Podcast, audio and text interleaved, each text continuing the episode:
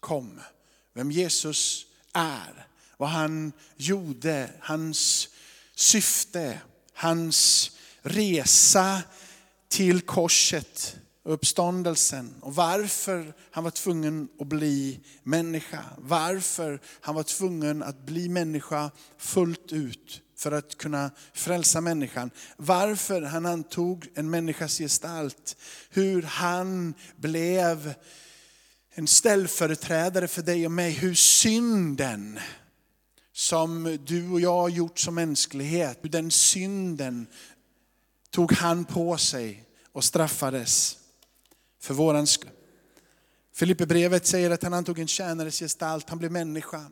Han vandrade under samma förutsättningar som dig och mig till det yttre. Så var han helt och hållet människa. Hebreerbrevet klarar tydligt om och säger att han blev lik sina bröder. Han blev lik dig och mig. För att bli en barmhärtig, en trogen överstepräst inför Gud och på så sätt kunna sona folkets synder. Så han har kommit för att sona människornas synder. Han var tvungen att bli en broder till yttre människa, att tjäna och för att dö och uppstå. I Romarbrevet 8 så står det så här, det som var omöjligt för lagen, det fanns alltså ingen frälsning för lagen. Trots att lagen talar om vad som är rätt och fel, trots att lagen kan bara fungera som en kompass på något sätt, eller en, en karta, en vägvisare, så fungerade det inte att frälsa människan. Lagen kunde göra sitt under den tiden som lagen var, men nu kom någonting som var bättre. Den var svag, som den var genom den kötsliga naturen. Och den gjorde, det gjorde Gud genom att sända sin egen son som ett syndoffer till det yttre lik en syndig människa. I hans kropp så fördömde Gud synden. Han kom oss nära.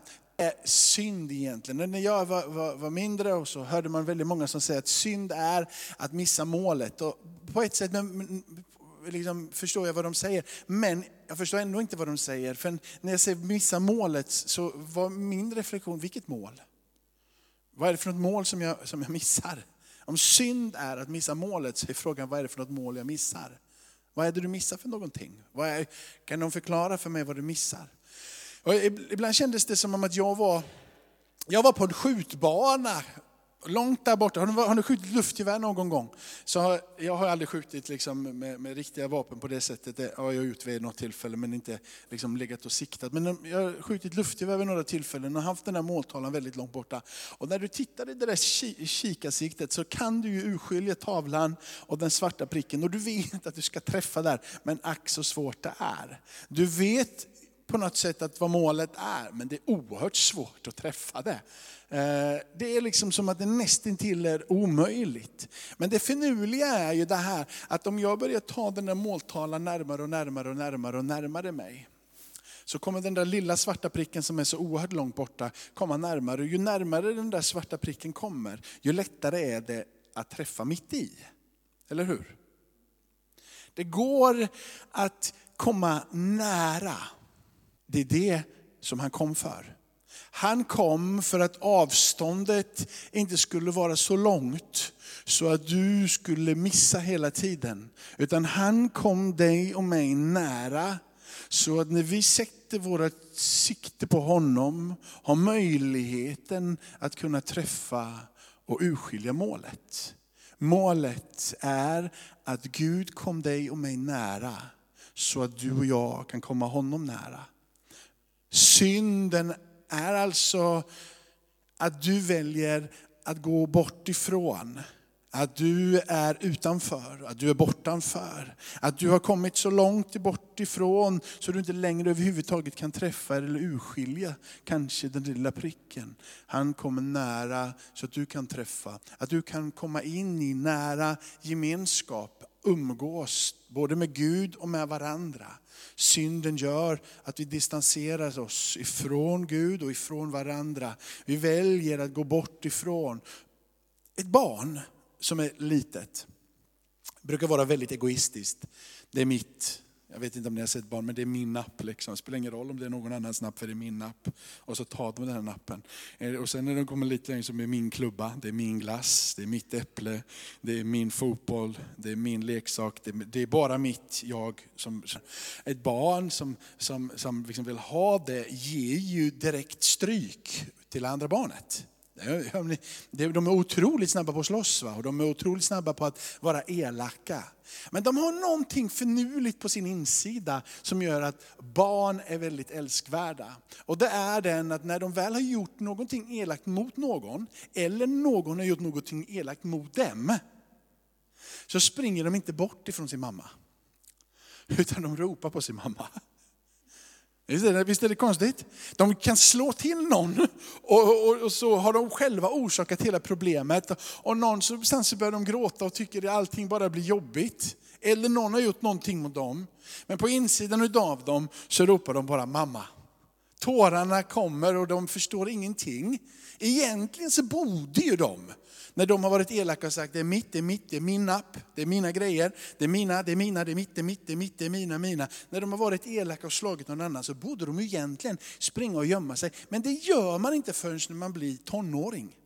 Eller kanske när man börjar bli 8-9 eller vad det nu än må vara. Men de är riktigt bra barn, riktigt små, det första de gör, trots att de har orsakat det själva och gråter och är förtvivlade, så säger de mamma.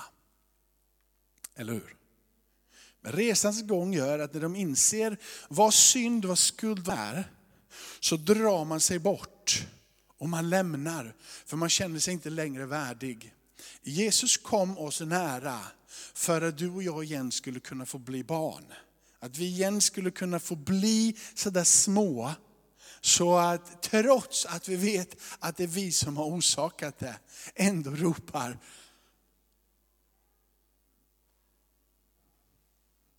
mamma. Vi ropar trots att vi vet att vi har gjort fel. För vi inser att det finns bara en som kan trösta oss. Att det bara finns en som kan hjälpa oss på banan igen. Precis som det här barnet inser att bara jag får komma till min mammas famn igen, får känna den där kärleken, får känna den där tryggheten, så är jag hemma igen. Liksom. Någonstans på insidan så bara vet barnet det. Gud kom nära för att du ska veta det. Han kom nära för att någonstans djupt inne i din ande så skulle när synden och skulden och skammen kommer där och du känner att jag går fel, så skulle du bara springa så snabbt som möjligt tillbaka till Gud. Tänk ifall 2020 skulle få bli det året där synden, där skulden, där skammen, de gångerna du går fel, blir signalen till dig att ropa hjälp. Inte som någonting som för dig bort ifrån, utan hem igen. För du vet att när du får komma till hans famn så finns det läkedom, så finns det hälsa, så finns det liv, så finns det upprättelse, så finns det befrielse. Så finns det igen den närheten som du så illa söker. Synden borde vi tala mer om, för den gör att vi börjar ropa efter bara han som kan hjälpa. Synden, skammen, skulden borde få vara någonting som inte gör att du och jag lämnar församlingen, men det borde vara någonting som gör att vi springer rakt in i församlingen. För i församlingen finns kraften, botemedlet, han som blir ärad och prisar. Den evige Fadern, mäktig Gud underbar i råd, fridsförste. På hans axlar vilar herradömet. Synd borde driva oss mot Gud och inte bort ifrån Gud. Han kom för att du skulle kunna mitt i synden ropa hjälp. Det var därför han kom. Nästa del. Gud blir fullt ut människa för att han fullt ut skulle kunna förstå. Att han skulle kunna ha medlidande med dig. Att han skulle kunna hjälpa sättet. Två delar.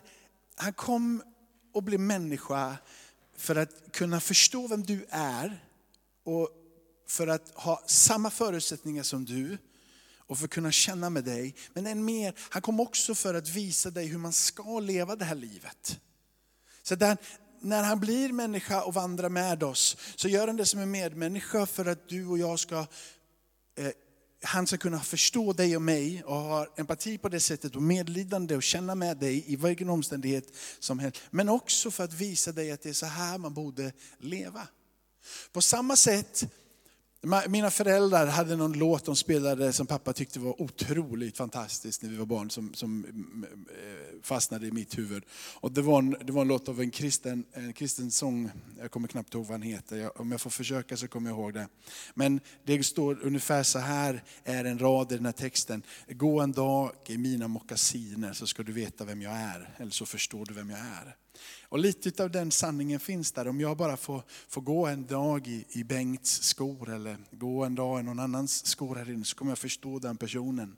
Jag kommer att veta vad den känner, jag kommer att kunna reflektera över livet utifrån dess ögon. Jag kommer kunna känna med det. På samma sätt så tog han på sig våra mockasiner och vandrade för att kunna fullt ut igenkänna och förstå våra frestelser förstå våra brister när vi möter saker och ting, vad som händer på vår insida.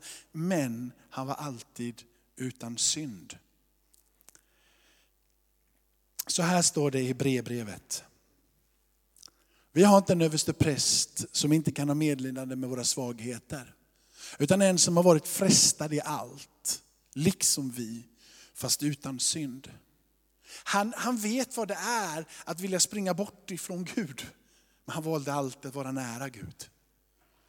Han vet vad det är att vilja lämna Fadern, men han stod alltid nära Fadern. Han vet när du vill dra dig undan gemenskapen. Han har stått där och han har varit där. Han har suttit där vid bordet tillsammans med lärjungarna när Judas sitter där och han vet att han ska förråda honom. Han har suttit där vid bordet, ätit maten tillsammans med honom. Han vet att det är inte långt borta, men han kommer att förråda mig. Han har stått och talat till dem och sagt att ni ska älska era fiender. Han skulle aldrig kunna säga det om inte han själv älskade de fiender som var runt omkring honom. Han vet vad det är att vara utstött. Han vet vad det är att vara förkastad. Han vet vad det är att gå in i templet förvandlat Guds hus till någonting annat än vad det borde vara. Han går in och han kastar ut försäljarna ifrån platsen och säger att detta ska vara ett bönens hus. Han deklarerar att här ska bönen ljuda först och främst, annars kan det aldrig vara ett Guds hus. Han går in på platsen, han gör det obekvämt för människor. Han har på så sätt blivit uttittad. Han har på så sätt blivit baktalad. Han har på så sätt blivit klandrig i folks ögon, men oklandrig i Guds ögon. Han är det fullkomliga exemplet. Jag har gett er ett exempel, säger han. När han har tvättat lärjungarnas fötter vid sista måltiden och han har pratat med dem så säger han, jag har gett er ett exempel. Jag har gett er ett exempel för att jag ska visa hur ni ska leva. Jag har gjort det för er för att ni ska göra det här för andra. Gör och var så här mot varandra. Han vet allting om dig. Och när du ser på Jesus och du läser evangelierna så ser du och jag hur du och jag ska leva. Det är så som vi ska försöka vara, inte på något annat sätt. Inte landa tillbaka till våra erfarenheter eller titta på Roger hur han är eller titta på mig eller Rudi eller någon annan. Utan vi ska på Jesus och se så som Jesus var. Vi ska försöka behandla människor utifrån den modell som Jesus visar. Han vet allt och han visar hur du ska leva.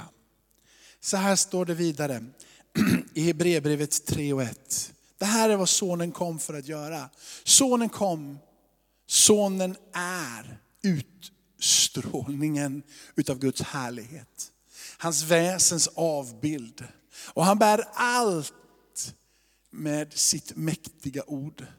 Och sedan han fullbordat en rening från synderna så sitter han nu på majestätets högra sida. Allting som du behöver veta om Gud finns i Jesus. Målet har kommit oss nära. Det är han som är målet för din och min tro. Synd är att missa målet. Det vill säga att du missar Jesus. Det är när synden kommer som du ska ropa på det namnet. Allting som du behöver veta om vem Gud är. Allting som finns utav hela Guds mångfald, rikedom, utstrålning, alla nyanser, alla färger. Allting att förstå om Gud finns i det namnet. Personen som bär det namnet, vars namn är över alla andra namn. Personen Jesus. Därför kom han. För att visa för dig och mig vem Gud verkligen är. För mig så är det jättekonstigt att människor lämnar kyrkan. Inte kanske så konstigt ibland hur jag och andra har förkunnat. Kan vara förståeligt man har lämnat kyrkan då. Kan vara förståeligt att man lämnar kyrkan för hur vi som människor behandlar varandra. Kan vara förståeligt att lämna kyrkan. Men för mig är det helt obegripligt att man vill lämna kyrkan. Om man tittar på vad evangelium är. Det är obegripligt att man inte skulle vilja ha med den här guden som presenteras här i den här boken med att göra. Vi måste tala om för människor att kanske inte alltid titta så mycket på kyrkan, eller på predikanten, eller på er. Utan istället vända sig till han som är alfa och omega. Han som är hövdingen utav våran tro. Han som är ursprunget till våra tro. Han som utstrålar allting. Vilken ateist skulle kunna komma och säga, den där Jesus som finns där inne, han vill jag inte ha med att göra. Jag förstår en ateist om de tittar på hur det har förkunnats. Eller humanisterna. Skulle de inte vilja? Sen kan jag förstå att de har svårt att tro. Att, svårt att liksom komma nära det där målet, det där siktet. Men att de inte skulle vilja, vilken normal människa skulle inte vilja att det här var sant? Det är obegripligt för mig. Jag läser det här om Jesus, han verkar vara en fantastisk man och om han nu dog och man kan bli Guds barn, men det där vill jag inte ha. Vem skulle inte vilja om det nu var sant? Förstår ni min tanke? Han kom för att utstråla hela Guds strålglans. Alla svaren, alla de här komplicerade frågorna. Allting det som Paulus försöker tala om ska vara viktigt för församlingen. Allting får ett utropstecken när vi möter med Jesus. För det faller på sin plats när vi möter med Jesus. När Jesus får vara det som är centrum för församlingen, centrum för ditt och mitt liv, så blir inte de svåra frågorna svåra frågor. Utan det finns ett sätt där vi kan lära oss att förhålla oss till Gud, till människor. För att strålglansen som kommer ifrån han lyser rakt igenom oss. Jag har sett hur de debatterar 2019 om att bön är farligt. Man får inte be på jobbet. Jag citerar genom åren över allt möjligt utav att den ena kristna säger att det där är synd och den andra kristna säger att det där inte är synd. Och hur kan man läsa Bibeln på det sättet och hur kan man inte läsa på det sättet? Alla glömmer bort vem det var som frälste dem. Alla glömmer bort vem det var som tog dem i sin hand när de var det här lilla barnet som i sitt uppror skrek, men fick ändå komma upp i famnen. Det pratas lite. Ibland så är det, ja, men ni pratar så mycket om Jesus, sen det blir liksom naivt, det blir tramsigt. Låt aldrig få vara naivt att tala om Jesus. Så här står det i avslutningen till Efesebrevet, det är inte med. Jag vill bara tala om varför jag hela tiden kommer tillbaka till ganska banala fraser i mina predikningar egentligen inte kanske så välformulerat och, och liksom retoriskt bra, spelar inte så stor roll egentligen. För han säger så här, Paulus, när han har undervisat, han som har skrivit merparten av Nya Testamentets brev, han som är författaren till så mycket av vad församlingen ska hålla högt och heligt. Han säger, bed också för mig att orden ges åt mig när jag öppnar min mun så att jag frimodigt gör evangeliets hemligheter kända. För dess skull är jag ett sändebud i bojor. Bed att jag predikar så öppet och fritt som jag bör. Det ber jag. Paulus uppmanar församlingen i Efesos, bed för mig. Och det skulle jag vilja säga, bed för mig. Så att jag inte försöker krångla till saker och ting, utan alltid komma tillbaka till han som är svaret från evighet till evighet. Han som är svaret för mänskligheten. Han som kan ta bort synden, skulden och skammen. Han som kan göra att du och jag igen ropar Jesus. Jag vill ha med min fader i himmelen att göra. Han som kan inympa dig så att du igen blir ett Guds barn. Får komma hem, få siktet inom räckhåll. Eller målet inom räckhåll. För det är sikte. Jesus är så tydlig med att han inte jämställer sig med någon annan. Det finns inte någon annan som han säger är bra i jämförelse med honom själv.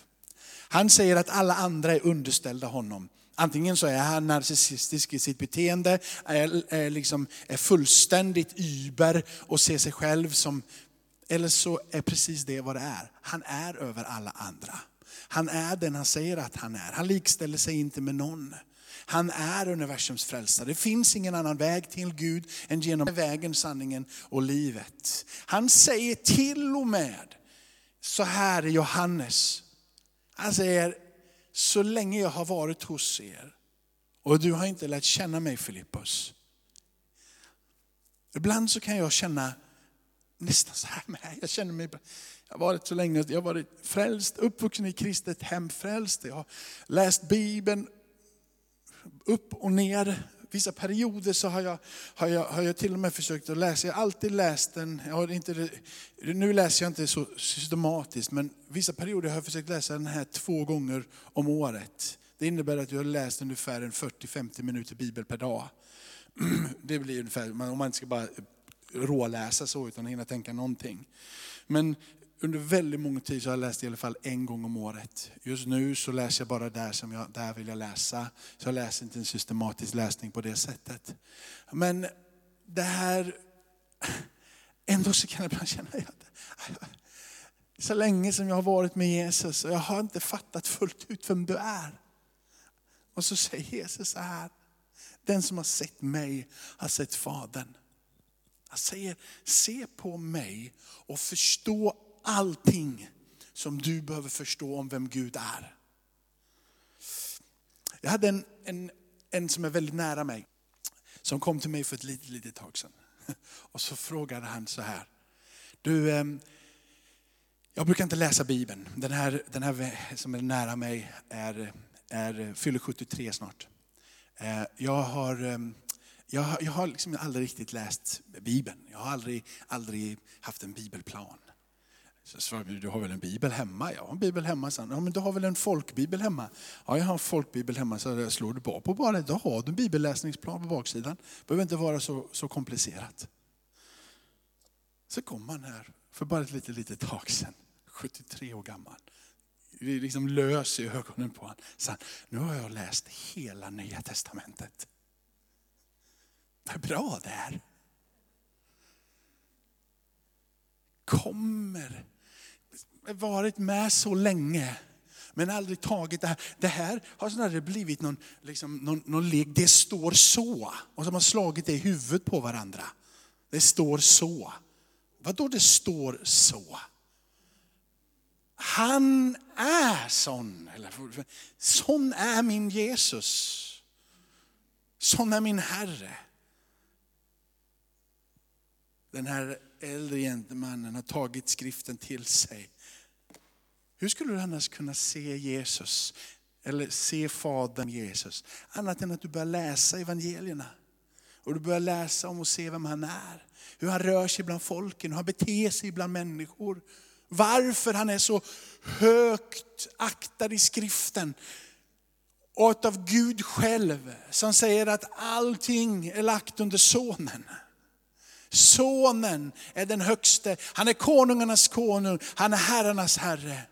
Allt har blivit till genom honom, utan honom har ingenting blivit till av det som är till. Han är den förstfödde. Han har också dött och uppstått.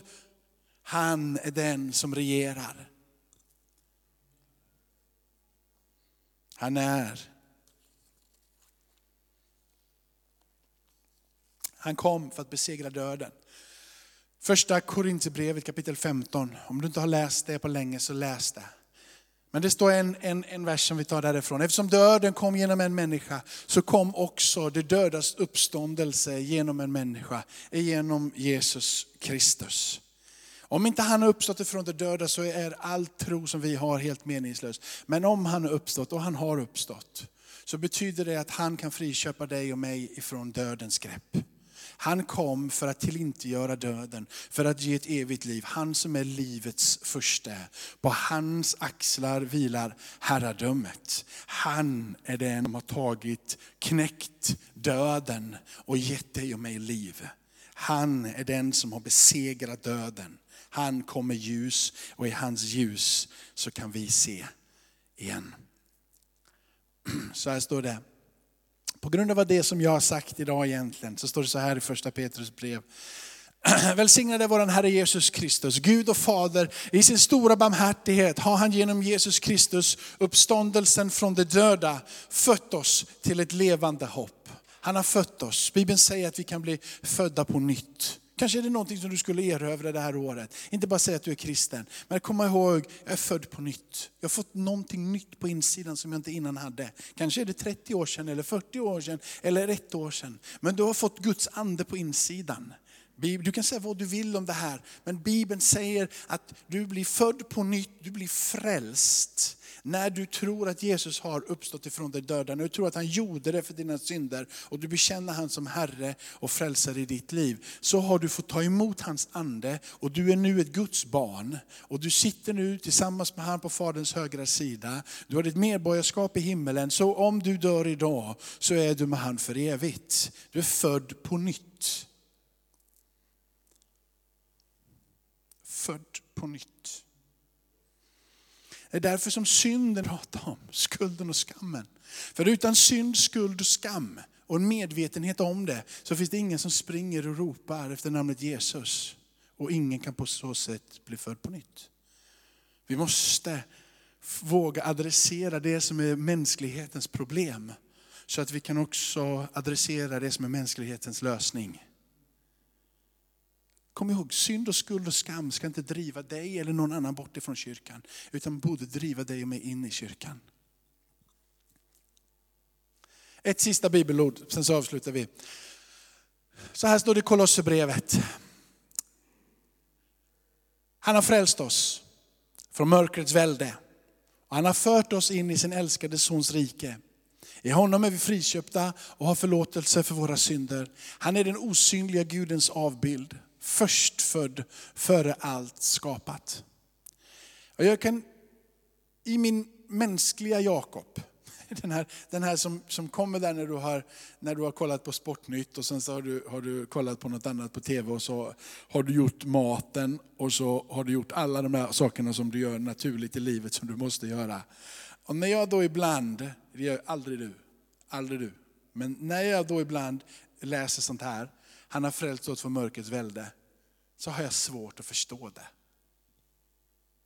Efter en predikan som jag predikar nu, så är jag väldigt lätt att kunna adressera det.